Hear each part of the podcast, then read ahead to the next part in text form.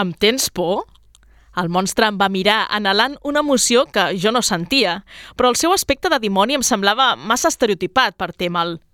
Llavors va canviar el rostre i es va convertir en el del director executiu de l'empresa on treballo. De poc i se m'escapa el riure. Por d'aquell pixatintes apalancat? Això segur que no. Va optar per una nova mutació i, ai, pobra de mi, aquesta sí que feia autèntic terror. Es va convertir en un inspector d'Hisenda amb les mans carregades de paperassa amb impostos pendents de pagar. Quimèric, amb Karen Madrid. Benvinguts al Quimèric. El terror té moltes formes i cada autor n'explora les seves. Cada lector busca també les que més li perturben, perquè al cap i a la fi les pors són tan variades com les persones. En el programa d'avui explorarem diferents tipus d'horror en la literatura i començarem per la novel·la Un àngel cruel, que explora el terror sobrenatural a les terres de Ponent. En parlarem amb el seu autor, Edgar Cotes, que visitarà els nostres estudis. També ens farem ressò d'algunes de les reflexions que l'aclamada Mariana Enríquez va fer sobre el gènere de terror al Festival 42. A més, també farem un repàs de la presència dels fantasmes en la literatura partint d'una xerrada al Festival Tartarus, organitzat per la revista amb el mateix nom. I acabarem parlant de terror al cinema japonès i com aquest va ser una eina per representar les frustracions de la societat japonesa post Segona Guerra Mundial en pel·lícules com Kwaidan o The Ring. És el que donarà de sí el desè quimèric d'aquesta vuitena temporada que fem possible amb el Toni González a les vies de so i l'Iker Mons, la Marina Tovella i la Clara González a la producció. Comencem! En Freddy, en Jason i en Chucky ja han sintonitzat Quimèric. L'entrevista. A casa nostra consumim molt terror, tant audiovisual com literari, però moltes de les creacions que ens arriben són de fora. A més, és habitual que passin en espais indòmits i desconegut per nosaltres, però tenim bons autors de terror al país que estan acostant les trames als lectors, triant ubicacions que coneixem bé i reivindicant-les com a bons marcs esgarrifosos. És el cas de L'Àngel Cruel d'Edgar Cotes, una novel·la publicada per Espècula on trobem una trama de terror sobrenatural i cases encantades a les terres de Ponent el lloc on l'autor ha nascut i ha crescut. Avui en volem parlar amb ell. Edgar Cotes, benvingut al Quimèric de nou. Hola, gràcies per convidar-me. Sí, sí, de nou, de nou. De, dic de nou, tot i que, clar, només ho captaran uh, la gent que ha sentit el, totes les temporades del Quimèric, perquè tu vas venir al principi del Quimèric amb el teu primer llibre de, de microrelats, després hem parlat amb tu per la teva faceta de, de traductor, també quan vas fer aquesta investigació sobre la influència de Pedrolo en la ciència-ficció, i ara per aquesta novel·la. D'on treus el temps perquè t'hi capien totes aquestes facetes? Bueno, pues, suposo que fer altres coses, no fer coses, no, no, no estar tot el dia, jo què sé, no, no mirar, no estar tot el dia al Twitter, o, que cada vegada estic menys, perquè també gràcies a l'Elon Musk ja està més avorrit Twitter. Cada vegada és més desagradable entrar a Twitter, no? Sí. Una mica. Sí, ja, ja t'has posat, t'has sembrat el terreny perquè puguis escriure la novel·la, no? Clar, exacte. Clar, no sé d'on et va sortir la, aquesta idea, si ja la tenies en ment des de feia temps i, i, i per què ara? Sí, bueno, era, era clar, el, el llibre, jo crec que un dels temes centrals del llibre és l'assetjament escolar. Potser ja em salto preguntes, però sí, bueno, és sí, igual. estava cap al final, però bueno, ja hi anirem, ja hi anirem. Ja hi anirem, però, però i era com un tema que sempre tenia com candent al meu, al meu cap que volia parlar algun dia, però com que encara ho tenia molt fresc, i ara ja han passat uns certs anys i ja ho tinc com molt llunyà i com, com una cosa bastant més assentada, i crec que ara ja puc parlar molt millor, no? i també gràcies a la, pan a la pandèmia i tot aquest trauma de, de pèrdues i de, i de coses, i crec que era com un escenari molt, molt, molt idoni per poder parlar de, de terror, no?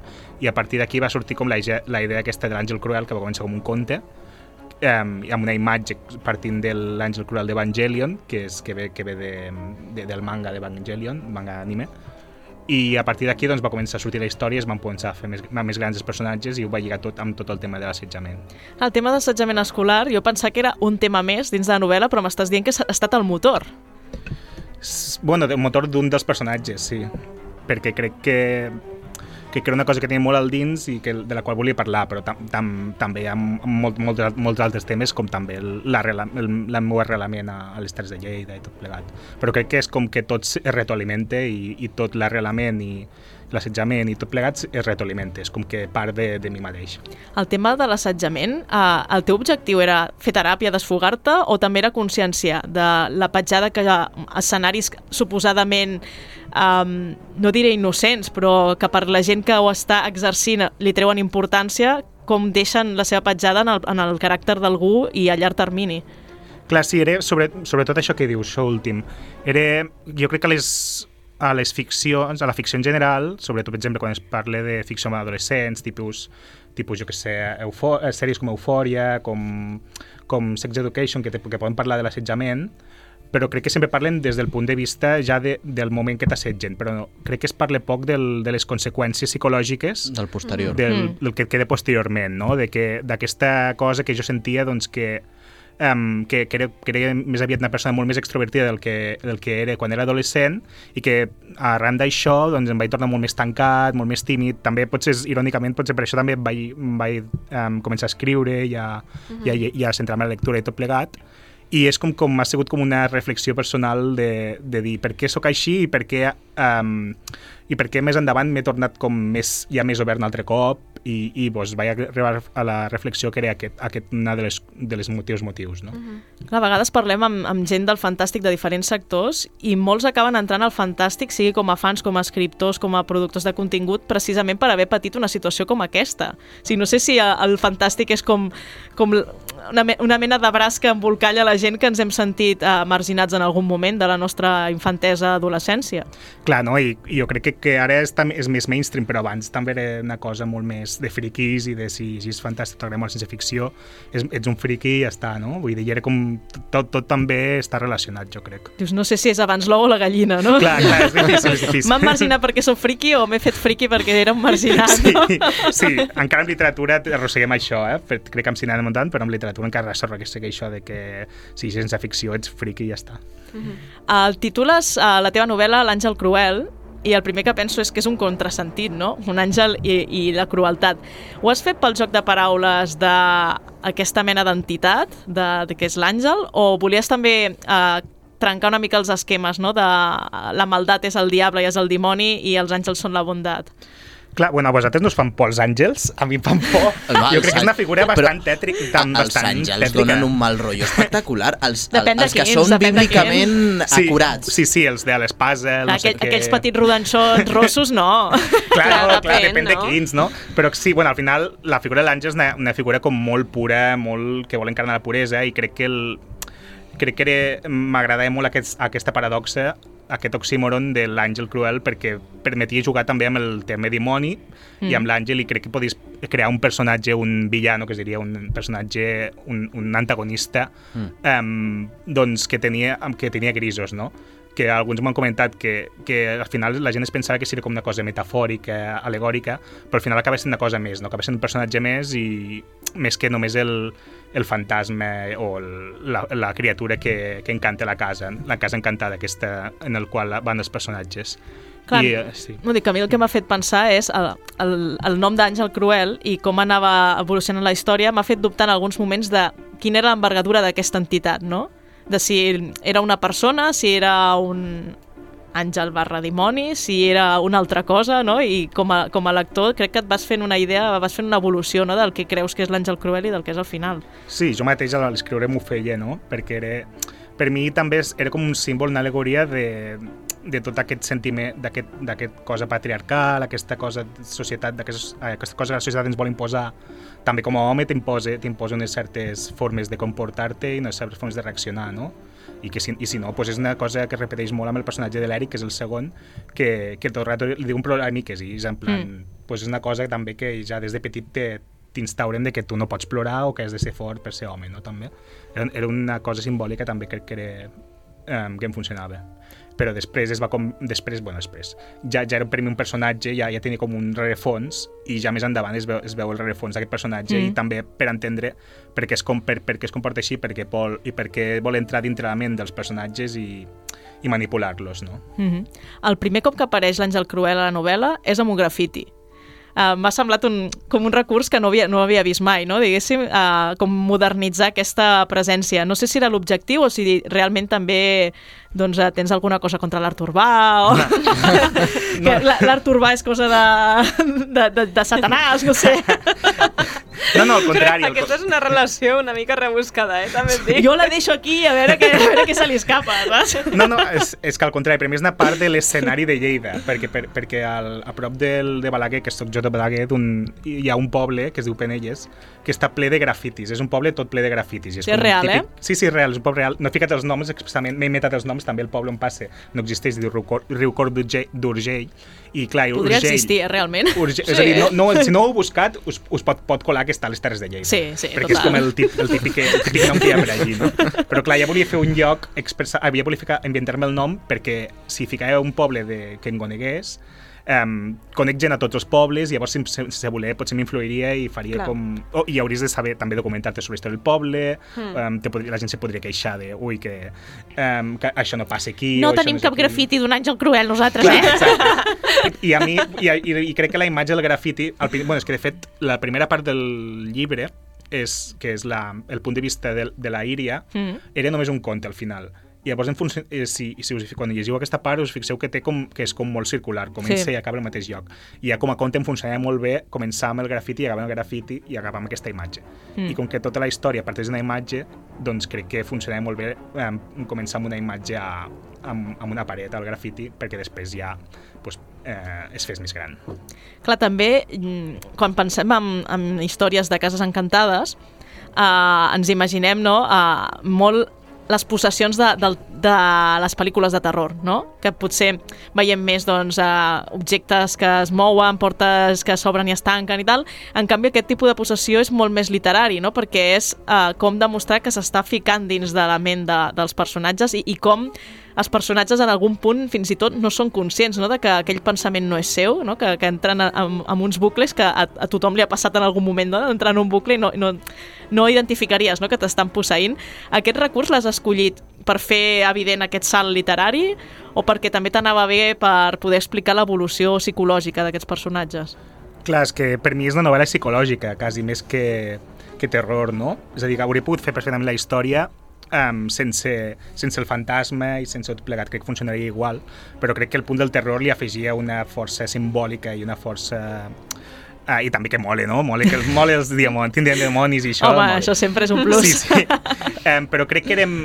Uh, crec que la, la novel·la que creixia més fent servir el que es diu narrador en segona persona, que és un Mm. narrador que, que et dirigeix, que et parla tu mateix i que et parla dins el cap, perquè ho convertia, com, convertia en una cosa molt més psicòtica i molt més um, obsessiva, no? I crec que per, per retratar aquests sentiments extrems dels personatges, sobretot dels dos fills, crec que era, era, eh, funcionava molt més fer, fer que la, la, la veu fos una veu dintre el cap dels personatges, que parlava dintre el cap dels personatges i que els hi volia menjar el cap per, perquè fessin tal cosa i perquè fe, per, per, per posseir-los al final. No? Clar, això per, um, fins i tot introdu introdueix el lector en aquesta trama.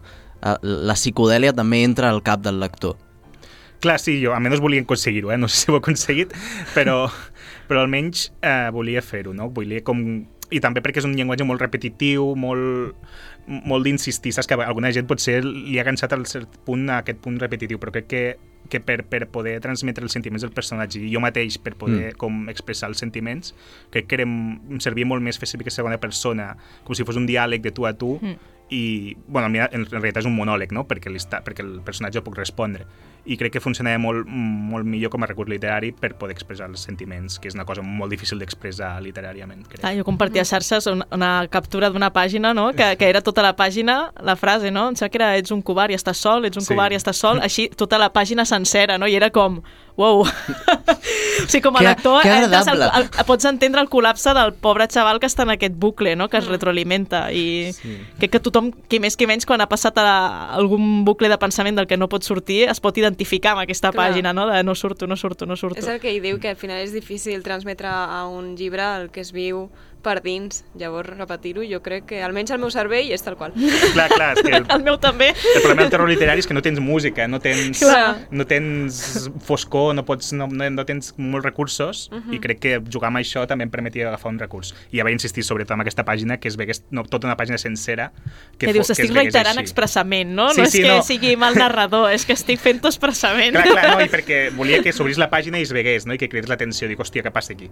Sí, Sí, sí. Crec que una, una cosa de, de, de, de d'estranyesa, potser, o d'inquietud. Mm, després també repeteix amb, amb el personatge del pare, no? Potser no, tant, no tota la pàgina, però sí que hi ha un tros també molt llarg. Sí, de... perquè hi ha com una interferència també entre el pensament del pare... Bueno, és que no es pot explicar, és spoiler. Ahí lo dejo. Sí. No, però també em van portar a pensar no? si el fet de, de plantejar la novel·la així també et porta a pensar que el que ens fa més por és tenir dins nostre un pensament que no és nostre, no? Clar, sí, bueno, és això. Per, per això volia expressar la, la part aquesta del, del, de l'assetjament, que és aquesta cosa, perquè te, te vol introduir dintre el cap una cosa que no ets tu, no? Vull dir que al final aquesta, aquesta cosa repetitiva que diu que estàs sol i ningú vol, que estàs sol i ningú vol, crec que és una cosa que jo moltes vegades ho pensava, no? És com aquest pensament de, de que ningú et voldrà perquè perquè, ets, perquè no, no val res, no? És això. I és, crec que no, no es val, potser no, es val, no val res? Bueno, no sé. No recordo Ara no recordo allà. la frase, però recordo. que és- que Però era bueno, és impactant, això. era impactant. Sí, sí, sí, eh, i és com, com la... I també eh, aquesta cosa de quedar-te sol amb tu mateix, i això amb la pandèmia també ho hem vist molt, Mm. molt no? aquesta cosa de Mm. quedar-te reclòs, i també era una, una forma claustrofòbica de- d'expressar-ho.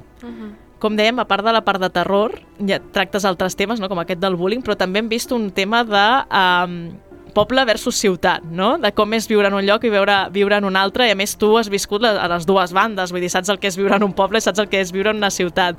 Era poder plasmar la teva pròpia experiència o també poder fer reflexio reflexionar a la gent que només ha viscut a la ciutat i que té aquesta idea idealitzada de, de viure en un poble? Bueno, també jugo amb un gènere literari del terror, que és el folk horror, que Mhm. és d'aquesta gent de, de ciutat que se'n va a un poble i, i es troba tot de paletos i, i tot de gent amb, amb, amb, jo què sé, amb pistoles, amb aquesta cosa és del, del, de l'oeste profund dels Estats Units, no? que uh -huh. gent violenta que et trobes allí. I crec que al final era una forma també d'expressar, de, de retratar la realitat de la, del, del poble, no? I la realitat del poble sí que hi ha coses xungues, hi ha l'Àngel Cruel també, però també hi ha, mm, si us hi fixeu al llibre, doncs hi ha també una part amable del poble i una part de que la gent del poble és, el rep, rep a les, a, als nouvinguts, a la gent que va viure al, aquesta gent de Barcelona que ve, que els diuen pixapins al principi, Sí, però és una mica de broma, però clar, bueno, al final és, és part del, del joc i de la broma, no? Però, però que no ho fan amb mala intenció. Que, per exemple, a, al, al personatge l'Iria s'ho agafa bé i, i té com un... pot fer amistats i, i té com, com un grup fins i tot al, al, al poble i en canvi l'Eric, doncs, com que encara està com amb, amb depressió i, amb una, i, i és molt introvertit, doncs, ah, quan li diuen pixapí, quan li diuen programa que és d'així de broma, doncs s'ho agafa malament, no? I és com tot, és com també una forma de, de veure com distorsiona aquesta, aquesta idea que ens ha ficat dintre, dintre nostre, um, com, com distorsiona la realitat, no? Bé, això, sobretot es veu molt el contrast entre la germana i el germà. També parles del dol, no? I de com cada membre de la família ha viscut el dol d'una manera completament diferent i com no s'entenen entre ells, no? Com fins i tot es poden culpar entre ells de "És que tu no ho estàs vivint igual que jo. Uh, no sé si també això et volies portar a pensar, no? Que a vegades eh, quan estàs en un procés d'aquest tipus, de, de dol, de tristesa, et tanques de tal manera que ni pots comprendre l'altre ni l'altre et pot comprendre tu. Clar, sí, perquè al final cadascú porta el dol de la seva manera.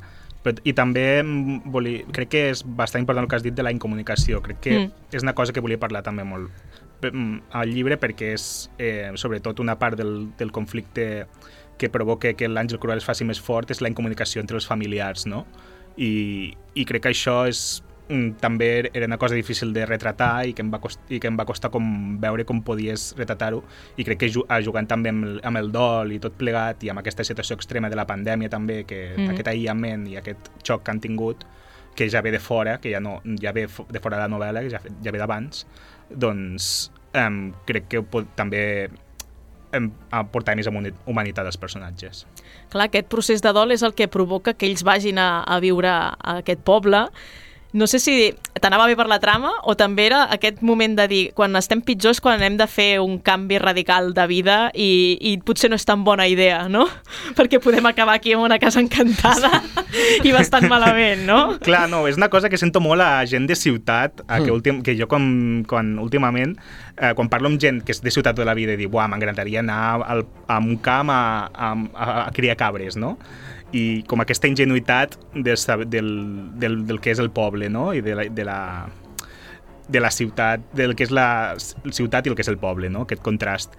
I crec que eh, es veu clarament com, com que es pensen que, que, el, amb, que, el, que el món rural és una cosa tranquil·la, mm, molt, que no passarà res, que, està to, que, que, és, que és un món dominat també, però a la vegada volen un món salvatge, no? És com una contradicció de volen una tranquil·litat i a la vegada buscar com la- l'aventura.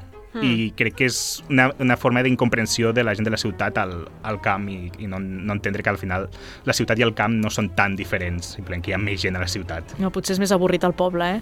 Més avorrit ho és, clar, evidentment. Parles de- d'experiència. És que a mi m'ha passat això de, de... Jo vinc d'un poble i estic en una ciutat i durant la pandèmia tenia com l'instint de tornar al poble, no? I llavors hi, havia un moment que deia però recorda per què vas marxar. O sigui, recorda l'avorriment, no? El, la falta de propostes, amb el tema de mobilitat, no? que necessites Clar. cotxe per tot, no? Sí, això també surt a la novel·la, Sí. sobretot amb com s'entretenen els adolescents en aquell Sí. poble, que és anar a la piscina, eh, fumar, beure i, tot, i fumar, beure tot el dia. És com Ja. també entrar en, una, en un bucle, Tenen molt mala fama els pobles en el tema de, de la Sí, beguda eh? i de les però drogues. és 100% Però perquè- real. Ja us ho dic. Comen comenceu abans, no?, a veure en els pobles. He escoltat això.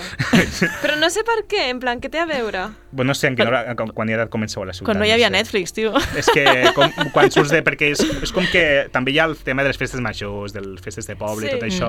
Crec que és com una cosa molt cultural i molt instaurada de que ja als estius has d'anar de festa al, al poble, al festa del poble, i llavors és com que va lligat amb el beure molt de seguida. Ja.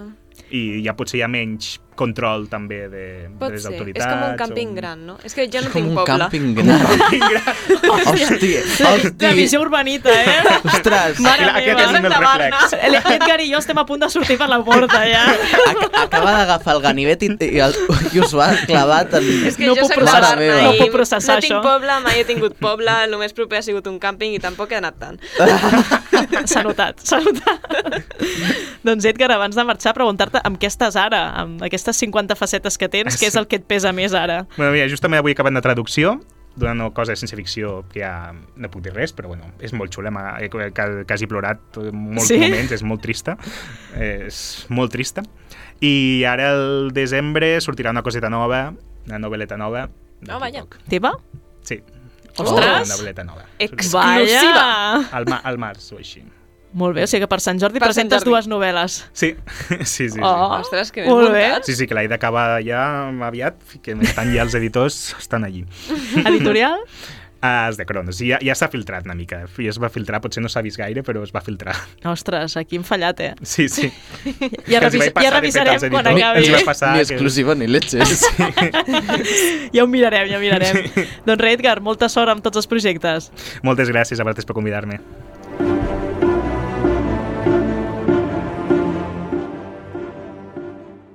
Al Quimèric tenim un gran poder, però cap responsabilitat.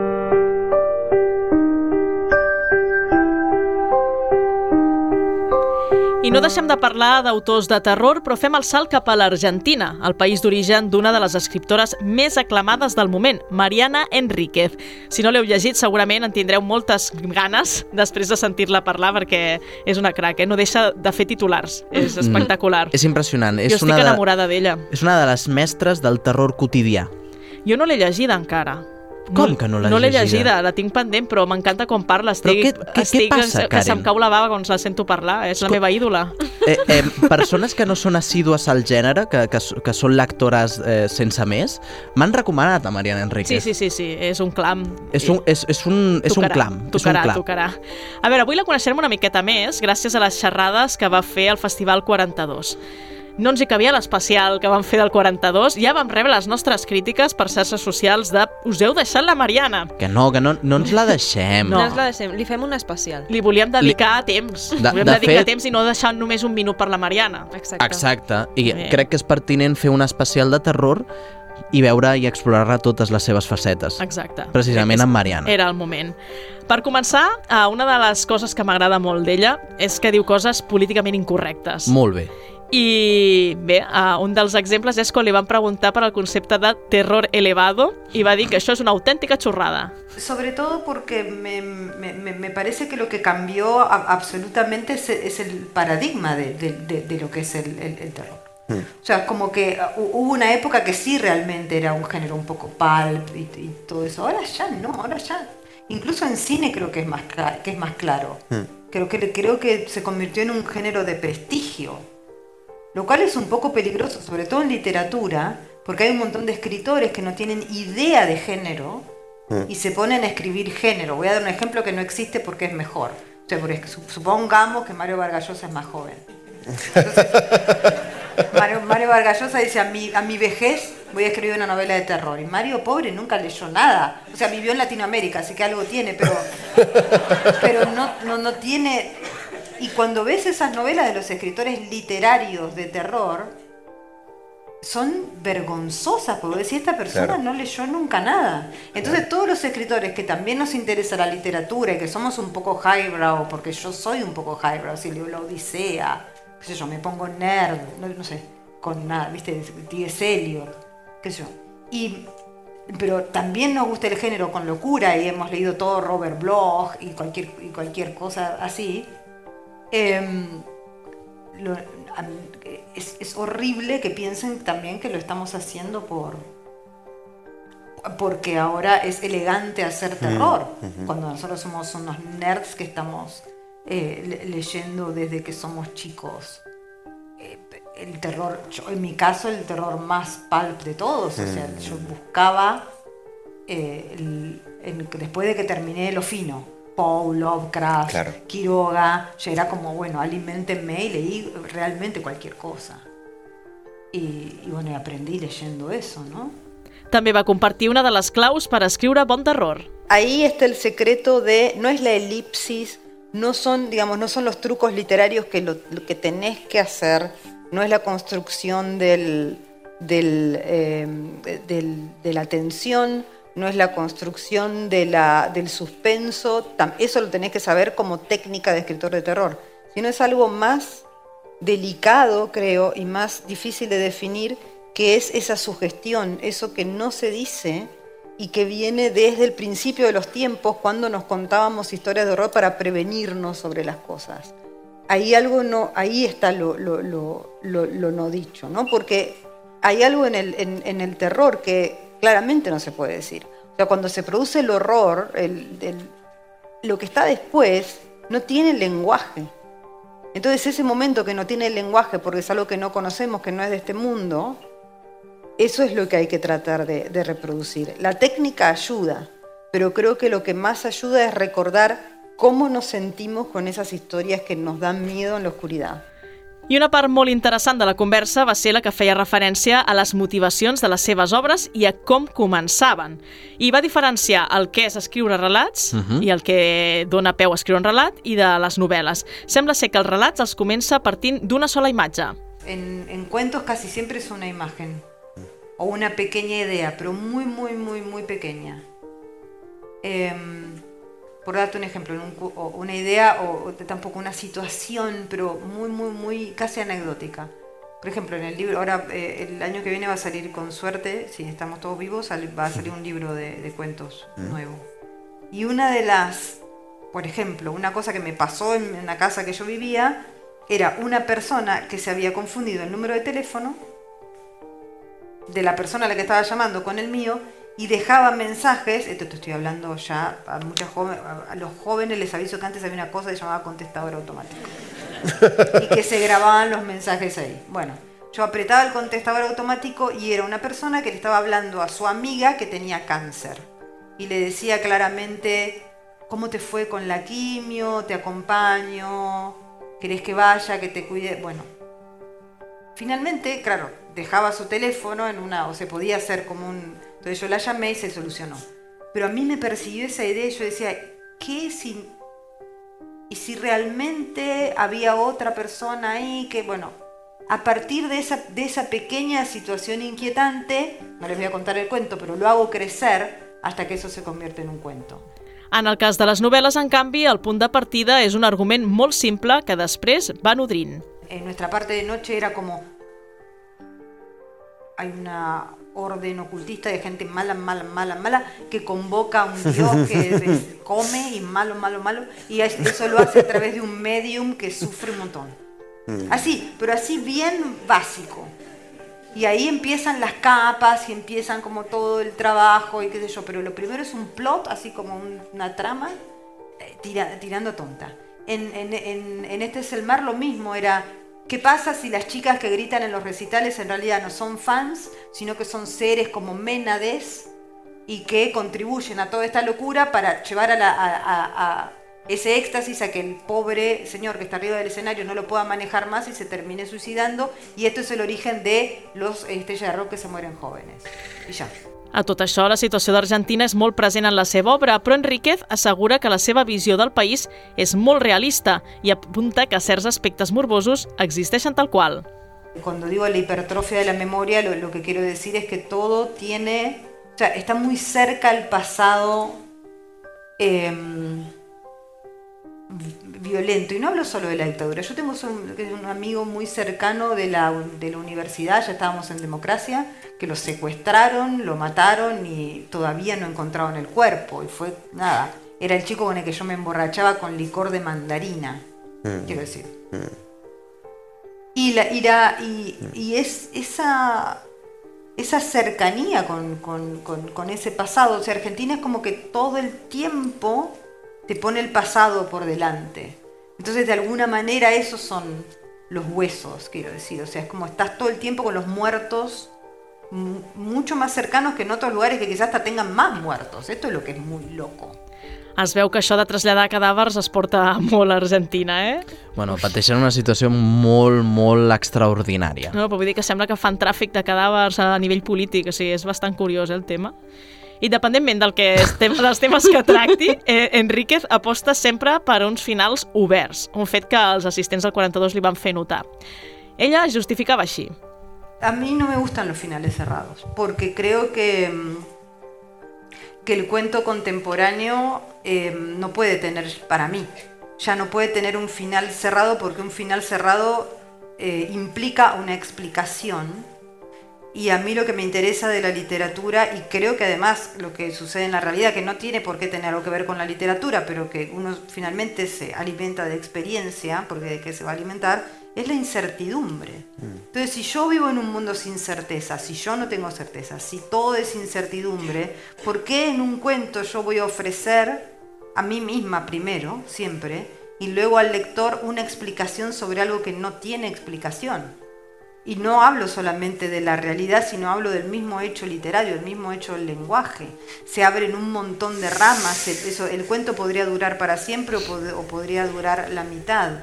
Si us interessa saber més de la Mariana Enríquez, us recomanem que escolteu la xerrada que està penjada al web del Festival 42 i si us voleu fer fans, no, com, com nosaltres ja ho som, doncs endavant a buscar els seus llibres que tenen molt bona fama.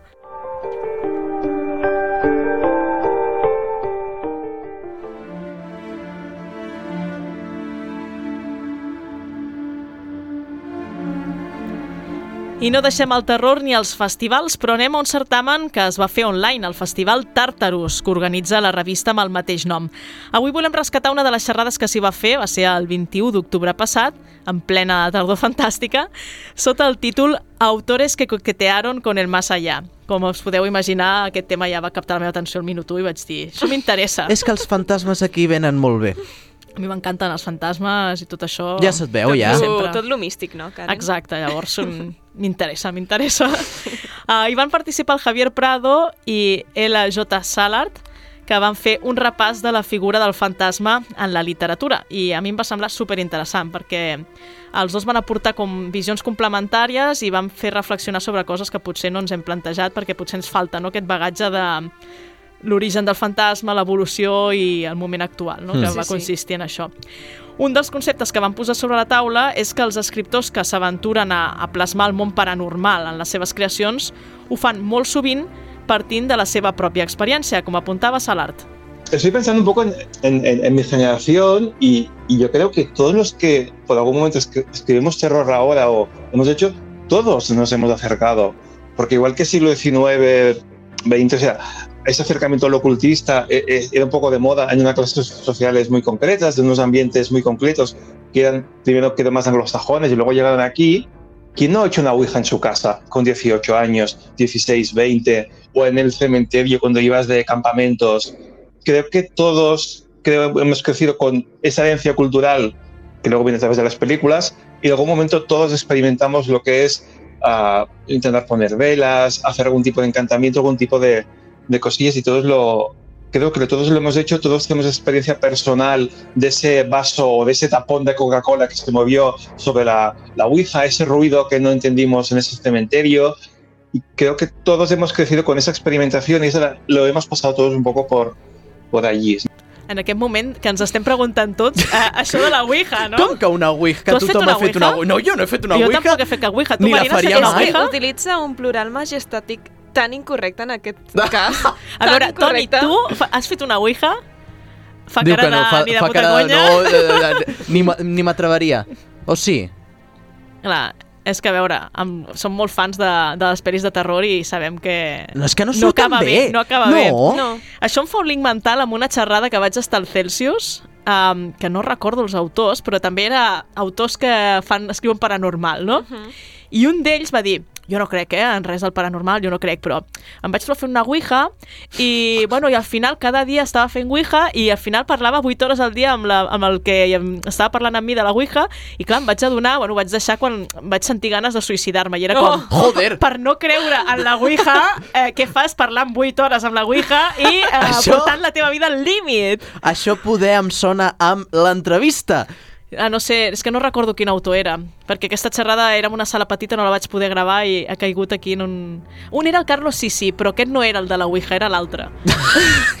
Carlos Sissi va, va explicar més que s'havia documentat parlant Ai. amb líders espirituals eh, per veure com, com di- dibuixava un personatge d'una de les seves novel·les. Llegando al suicidio. No Va sé. ser- Igual és molt normal i estem així com desplaçats de la societat. Igual no? els del Nosaltres Quimèric som els únics que no hem fet una Clar. Ouija. Home, és que no em se, se Oients del m'acudiria. Quimèric, digueu-nos a xarxes socials si heu fet una Ouija. Volem saber si Ara- som uns marginats o som l'excepció, saps? Farem una enquesta. Ai, Dios mío. Oi, s'ha apagat el S'han llum, eh? apagat les llums, ara Ai, estem a les fosques. Hòstia, qui, quin... Karen, Toni, deixa les llums, collons. I, i aquell llum vermell, eh? Que és una mica de... Aquell llum vermell, sí, sí, hòstia. De club satànic. estava molt espantada, Karen, que jo sí que crec. Vale, Jo també. un, un, un Avui no incís, dorm. a- el Toni acaba de- de- d'apagar les llums des de fora de l'estudi, per tant ens hem quedat eh, completament a la només amb penombra. el- amb el amb el llum vermell vermell de, de, de del pilot Sabadell. de Ràdio Tinc mal Sabadell. cos de sobte, jo ja no parlo. Bueno, Ja s'acabó, no? proper programa, Ouija en directe. No! A veure, independentment d'això, tornem, tornem a, a, la, a la història dels fantasmes en la literatura. Els dos autors que van, pa, que van participar en el Festival Tàrtarus coincideixen a apuntar que la figura del fantasma ha anat evolucionant amb el temps, i això doncs, és, suposo que és evident, Mm. però per Prado, en l'actualitat, diu que s'estan recuperant els orígens dels fantasmes. por lo menos a día de hoy, eh, estamos volviendo, si no, quizá nunca ha cambiado los orígenes de- del fantasma. Hay una historia que yo creo que sirve para resumir todo esto que, que acabo de decir, que es una, una, una vivencia, podríamos decir, que nos llega desde el siglo I de- después de Cristo, de un filósofo que se llamaba Tenodoro. Pensamos en, en Grecia clásica y tal, pero incluso allí ya tenían sus propios fantasmas y en muchos casos son el mismo modelo que tenemos en nuestra cabeza a día de hoy. Eh, decía este Atenodoro, que ahora según vaya contando la historia veremos cómo nos va sonando, que él estaba buscando una casa en Atenas, que en aquella época era una ciudad pues como igual Madrid, Barcelona ahora, ¿no? Que era muy complicado vivir porque los alquileres estaban pues, pues muy mal, estaban por las nubes disparados. Y él encuentra una casa muy, muy bonita, muy, muy bien amueblada, en pleno centro de Atenas y muy barata. Dice, pues, pues, la ganga de mi vida la compro y claro, vamos sabiendo en este tipo de, de géneros literarios que cuando es una casa barata, muy grande y muy bonita, algo malo tiene. En este caso, a Tenodoro, la primera noche que está allí, se le aparece ante él un viejo, ¿no? cargado de cadenas, un fantasma, que era el que te había estado espantando a todos los eh, propietarios anteriores de la casa, y por eso estaba tan barato. Un ser terrorífico, todo cargado con esos eslabones eh, llenos de óxido, que a Tenodoro, sin embargo, eh, se queda pensativo después de esa aparición, no huye y decide comprobar qué quiere decirle el fantasma, ¿no? Y a la noche siguiente se le vuelve a aparecer, eh, decide seguirlo por esa casa tan bonita y, descubre que el fantasma lo que estaba intentando era guiarle hasta el jardín, señalando un punto muy concreto en la tierra sobre el que luego desaparecía. Claro, eh, el tipo que no era tonto decide cavar ahí al día siguiente, llama unos cuantos albañiles y se encuentra el esqueleto de un esclavo cargado de cadenas en ese punto que el fantasma había señalado. Total, que decide enterrarlo, darle, bueno, cristiana en esa época no, pero una sepultura digna. Y eh, a partir de entonces el fantasma no vuelve a aparecer, ¿no? Y claro, esto es un poco, creo yo, salvando las distancias, eh, a nivel formal, es un poco el, mismo fantasma que seguimos teniendo a día de hoy. Es verdad que yo creo que la literatura actual, aunque yo leo sobre todo gente que ha muerto hace bastante tiempo, eh, la literatura actual sí la tengo un poco más coja en ese sentido, se sigue utilizando la misma figura, con distintos significados. Muchas veces se utiliza para eh, describir un periodo histórico, sobre todo, por ejemplo, María Enríquez, ¿no? que la estado leyendo hace poco, utiliza muchas veces esos fantasmas para hablar de la dictadura y de la represión. Aquí en España con la guerra civil también se utilizan mucho. Entonces yo creo que muchas veces se utiliza más como metáfora ahora mismo que como fenómeno sobrenatural, pero que a fin de cuentas sigue siendo un poco lo mismo. Mentre escoltàvem aquest tall, Iker Mont s'ha dedicat a escriure una ouija. Clar, he buscat una internet per dibuixar-la. I l'hem censurat greument i no, ha acabat trencant-la. M'han demanat trencar el paper per Do, si de cas. Dos minuts i mig d'àudio donen per això. Escriu una ouija i fotre un broncón i haver-la de trencar. O sigui, això és el que us esteu perdent. Jo ho estic passant molt malament ara mateix, el programa d'avui. Ara mateix l'esoterisme s'està respirant en aquest estudi. Sí, ui. Sembrarà una obvietat, però es veu que els fantasmes, en la literatura, sempre han anat estretament lligats a un immoble. Mm, casa encantada, fantasma, es como algo que, que, va muy, muy común. O sea, un fantasma que va por los sitios así libremente eh, es muy poco frecuente. Y vinculado con la casa, la casa es la familia, o sea, es el trauma familiar, la herencia, todo, todo eso, ¿no? Es, se, se vehicula normalmente en esas historias de, de, lo paranormal en la casa y el, y el fantasma. Y sigue siendo allí. No m'imagino un fantasma en un parc de nens, per exemple. Jo sí. Imagina que l'han matat allà. Clar. Jo, es ja, queda la però seva és, ànima allà però, en però el tobogan per és sempre. Una, és un espai, és un espai obert, no? És com... Te, tens llibertat per pujar cap a dalt, no? I tots els nens que s'intenten tirar pel tobogan, el fantasma allà, ui! Això és un relat, eh, ja? Això és un relat, és un relat. El següent microconte. Va, no ens desconcentrem, Sí, que, que això és molt sèrio, eh? A veure, això ens fa pensar, si els fantasmes van lligats a una casa Mm, i la casa té un fantasma des de temps immemorial, clar, vol dir que la casa és una mena de màquina del temps, no? collons. Es verdad que el fantasma muchas veces se utiliza para hablar del pasado porque al final las casas encantadas son máquinas del tiempo, ¿no? Leí ayer un, el ensayo de Erika Couto de Infestaci- Infestación, que es un ensayo sobre la historia de las casas encantadas y decía eso, que al final una casa encantada es eso, es una máquina del tiempo en la que quedan ahí momentos eh, en- suspendidos en el aire como bolas de nieve, ¿no? Encerradas en un cristal y que gracias a eso pues nosotros podemos acceder en lugar de eh, con una máquina del tiempo al uso como utilizaría Marty McFly, ¿no? utilizamos la casa encantada para ver retazos, visiones de ese pasado que muchas veces se nos escapa y que normalmente suele ser en este caso eh, terrible, ¿no? No hay casas encantadas eh, amables normalmente, sino que suele- tiene esa parte maligna y de crítica o de re- rescatar los momentos chungos que ha vivido una sociedad, en este caso una familia, una ciudad, un barrio, eh, lo que sea. El moderador també va plantejar la pregunta de per què han tornat els fantasmes a la literatura, però Salar respon que és molt més interessant fixar-se en per què van desaparèixer. que lo sacó de la cultura tradicional. Al final, la cultura de los fantasmas es algo, por ejemplo, muy de la cultura celta o de las culturas judía incluso, pero con la llegada del cristianismo y sobre todo del, del catolicismo, los fantasmas no caben en su, en- su cosmovisión. Según el- el- el- la, la- creencia cristiana católica, cuando alguien se muere, su alma se va al cielo o al infierno, el purgatorio. Creo que ahora existe el purgatorio, incluso se lo cargaron. No cabía el fantasma. Normalmente hablábamos de, de demonios, de posesiones demoníacas. Lo malo era el, era el demonio. Las brujas, que son. Luego, cuando hablamos de nuestras experiencias, y volveré a hablar de brujas. Pero la bruja, que era aquella persona que conectaba con el más allá, en el, en el cristianismo, se convirtieron en ah, diablo. O sea, todo lo malo de diablo, y en ese sentido no, no, no, no cabía nada más. De hecho, con la ilustración que, se, que, que la ciencia o el pensamiento se impone un poco a la religión, es cuando se, se recupera un poco esa tradición, donde se, hay espacios para recuperarlo, donde no te vendes la Inquisición a quemarte por decir según qué cosas. ¿no? Y, y, y creo que a medida que y luego se, se, recupera, la tradición, la tradición celta, sobre todo de este mundo más anglosajón, que es la que la ha mantenido más, y hemos recuperado todo ese espectro de, de fantasmas. En tot cas, el retorn del fantasma després d'aquest procés és diferent al que havíem vist fins ara. A mí me gusta el, el actual cuando se están intentando hacer el, el nuevo giro al, al fantasma, incluso cuando el fantasma deja de ser el malo el, y, y es otra cosa, ¿no? Ese es, aunque, aunque ya lo hizo, ya estaba en el fantasma de Canterville, pero cambiar el sentido del, de- del fantasma y del, y del monstruo. A mí algo que ya no es estrictamente fantasma, sino que es de monstruo, me voy un poco.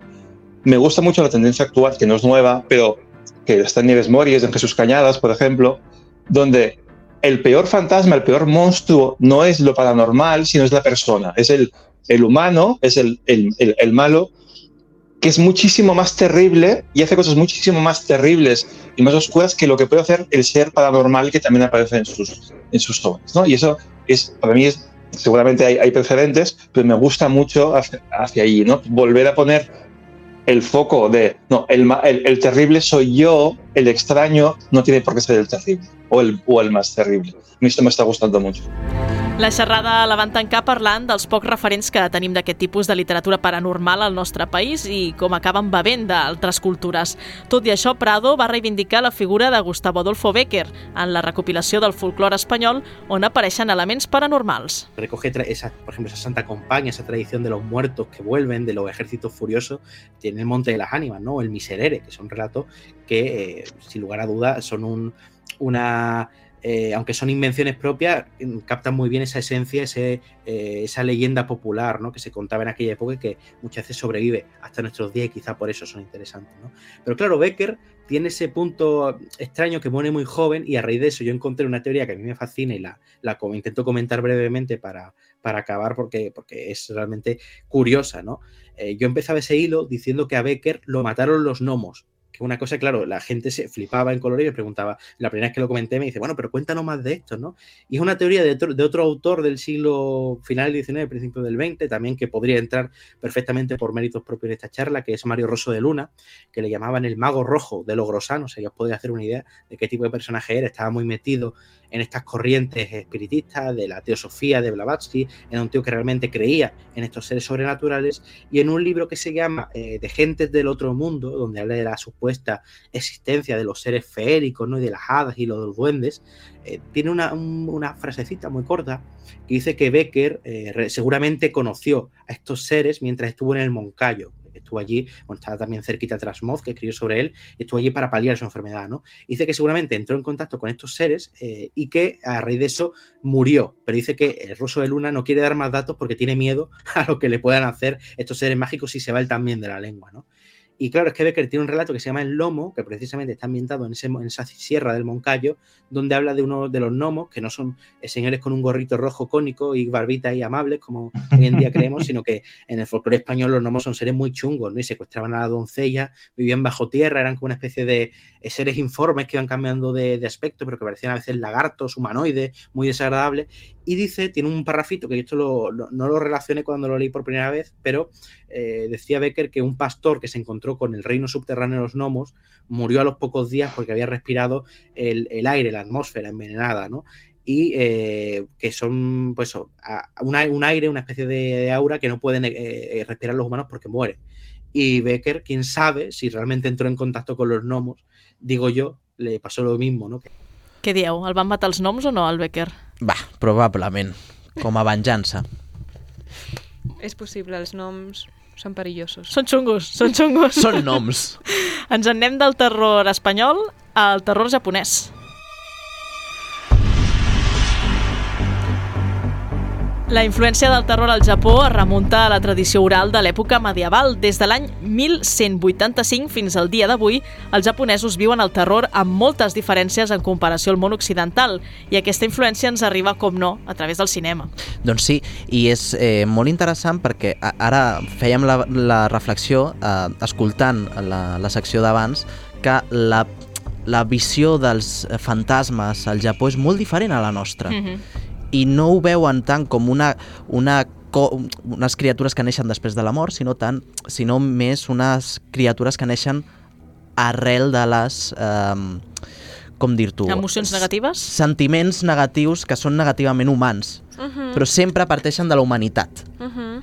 Doncs eh, és precisament amb una pel·lícula de l'any 1964 que ens aproxima per primer cop al món eh, dels fantasmes, els yokai. Es tracta de eh, Kwaidan, que és un metratge que explica quatre històries curtes sobre fantasmes. Va ser aclamada per la crítica sent guardonada a millor pel·lícula al Festival de Cannes i nominada als Oscars a millor pel·lícula de parla no anglesa. Però darrere d'aquest gran èxit del cinema japonès hi ha una dura realitat. Ens ho explica Enrique Garcelán de Cineàsia. La gran, es la gran película de fantasmas. Está realizada por un director que se llama Masaki Kobayashi. Eh, fue un premio especial en Cannes. Le, la- le dieron ese premio porque es, es una maravilla de, de película. De hecho, agotó el presupuesto eh, que tenía y tuvo que vender su casa, el propio director, sabiendo que después no iba a continuar en, en la, en la compañía, en, en la, en la Toho. Y son cuatro historias de fantasmas diferentes. Això és creure en el teu projecte, eh? la resta són tonteries, eh? Sí, home, per descomptat. Doncs en aquestes tres, eh, quatre històries no, de fantasmes es veu molt clarament aquesta idea del Hawkeye, que es recupera després de la Segona Guerra Mundial, que perden eh, contra els Estats Units Mhm. arran de les eh, bombes de Hiroshima i Nagasaki, no? I eh, què són els yokais? Doncs són éssers del folklore japonès que conviuen al món natural, Mhm. amb els éssers humans. Normalment són esperits o éssers humans transformats, però també dimonis. Um, un, els més eh, remarcables són aquells que estan vinculats a sentiments negatius, sobretot odi, soledat, ràbia, frustració, que si us fixeu realment, tot el contingut que ens arriba del Japó està molt pròxim a aquestes, a, a, en aquests sentiments. Sí. Parla d'aquestes qüestions. No trobem fantasmes que siguin alegres i positius. Bueno, jo no, almenys... però no, ta, no tant els, en els propis fantasmes, sinó en els animes, en els, en els mangas o, en, o les pel·lícules que ens arriben, que en moltes d'aquella d'aquestes sí que s'explora o la guerra, o la soledat, o la depressió, no? Mm -hmm. Total, a través dels hokais eh, ens arriben aquestes històries, a les seves obres, com la dona de les neus, la història d'una aventura, d'una aventura fatal a la muntanya. Y La mujer en la nieve es la historia de, de un hombre que ve cómo su compañero eh, muere de frío, pero no muere de frío, sino que hay alguien, un espíritu, que de alguna manera le está cogiendo el aliento. ¿no? Él va a morir, pero ella se apiada de él y le dice que lo más importante, nunca digas o reveles que te has encontrado con la mujer de la, de la nieve. Así se va, va a tener su vida, se va a encontrar una mujer, se va a casar y algo pasará. Aquesta dona de les neus, l'esperit anomenat Yukiona, no? és un dels molts eh, fantasmes o criatures que plaguen la cultura japonesa, com el kappa, aquesta tortuga antropomòrfica, eh, o, el, o els mítics eh, paraigües amb llengua o coses així, no? Ja. Que visualitzem que jo són... m'he quedat amb lo del capa, no és un dels dolents del, del Super Mario? Sí, però aquesta és la influència. D'aquí ve el, el, la, la influència de molts de... En sèrio? M'havia Sí. m'havia quedat encallada aquí, jo, Però ara. no sé, però si són la supercookies. influència, doncs, la influència de, dels yokais al Japó va, ha marcat molt el folklore i la cultura popular i, i com veuen la seva pròpia societat. Eh, és a través d'una pel·lícula en concret que arriba a, a Occident, una molt famosa, The Ring. Fecha de estreno en enero, eh, presupuesto 750 mil dólares, recaudación en cines 20 millones de dólares eh, y número de espectadores 5. Eso solo en Japón, solo lo que sucedió en, en- en Japón. Para que os hagáis una idea o podáis comparar, las películas de anime, las películas de animación siempre son las que más facturan y más o menos pueden llegar a, hacer eh, 80, 90 eh, millones de, dólares. Solo eh, Makoto Shinkai en algunas se ha, se ha ido. Pero hacer 20 millones para una película de terror era, era algo mm, eh, loco. Pero lo curioso de, toda esta historia es que la película cuando sale de Japón y empieza a ir por los festivales de cine, empieza a causar estragos entre la gente. Es decir, empieza a- a ser considerada como algo eh, de culto. Empieza, empezamos a tenerle miedo. ¿Por qué? Porque habla de algo muy eh, característico. Ahora ya no se lleva, que son las cintas de vídeo. Creo que ninguno de vosotros utiliza cintas de vídeo, pero en aquella época nosotros las utilizábamos. Y realmente el hecho de que una tradición, algo, eh, esté grabado en una cinta de vídeo y eso que está grabado en esa cinta de vídeo te pueda producir la muerte una semana después de haberlo visto, pues la verdad es que no dejaba a la gente tranquila, ¿no? Clar, la figura d'aquest fantasma sortint del televisió és eh, una excusa, realment, per iconografiar la societat japonesa del moment. Por- ¿De dónde viene? De un pozo, de unas aguas que están putrefactas de alguna manera. Y al mismo tiempo va a esconder todas aquellas maldades y sentimientos que de alguna manera el pueblo japonés tenía en aquellos en, en finales del siglo XX, ¿no? que son frustración, soledad, rabia, todo eso eh, eh, estaba metido en, ese personaje que iba trepando de un pozo, salía, lo veíamos en unas imágenes borrosas y llegaba y era capaz de salir de la, de la tele, ¿no? Eh, Koi Suzuki, no, el director de Ring, no s'esperava precisament que la seva pel·lícula esdevingués una de les més taquilleres d'aquest nou gènere. És boníssim. I després, precisament, de The Ring, entre el 2000 i el 2005, eh, es va produir una cosa fa fascinant. Es van crear més de 300 pel·lícules de terror a Àsia. Començarien a arribar a Espanya gràcies al Festival de Sitges mm -hmm. i popularitzarien el J-horror al territori. Però eh, sempre camuflat, com va passar la pel·lícula de Host i el seu cartell. Eh, y después fue, fue, a Sitges. Es una película de monstruo, pero que no va de monstruos. Es decir, va de otras cosas, ¿no? Pero aquí en España la vendimos como primero fue Tiburón, después fue Godzilla, ahora viene The Host. Y no enseñamos a ningún asiático en la, en la portada. Con eso eh, lograron, eh, la distribuidora logró eh, conseguir recaudar en el primer fin de semana, pero la gente salía loca. ¿Qué ido a ver? Lograron recaudar lo que les había costado la película. Fue, fue increíble.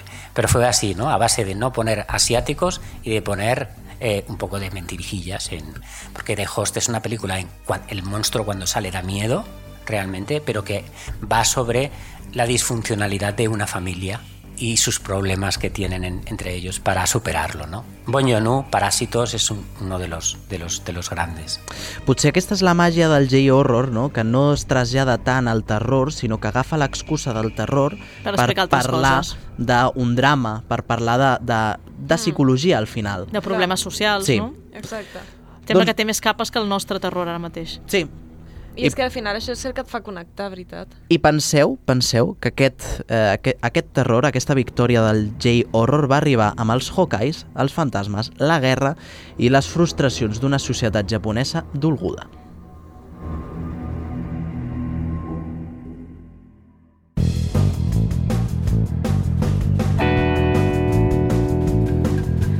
Fins aquí el quimèric d'aquesta setmana que hem dedicat a diferents vessants del terror. Tornem d'aquí 15 dies parlant de Terry Pratchett i de com la seva obra encara és ben viva a dia d'avui. No us ho perdeu.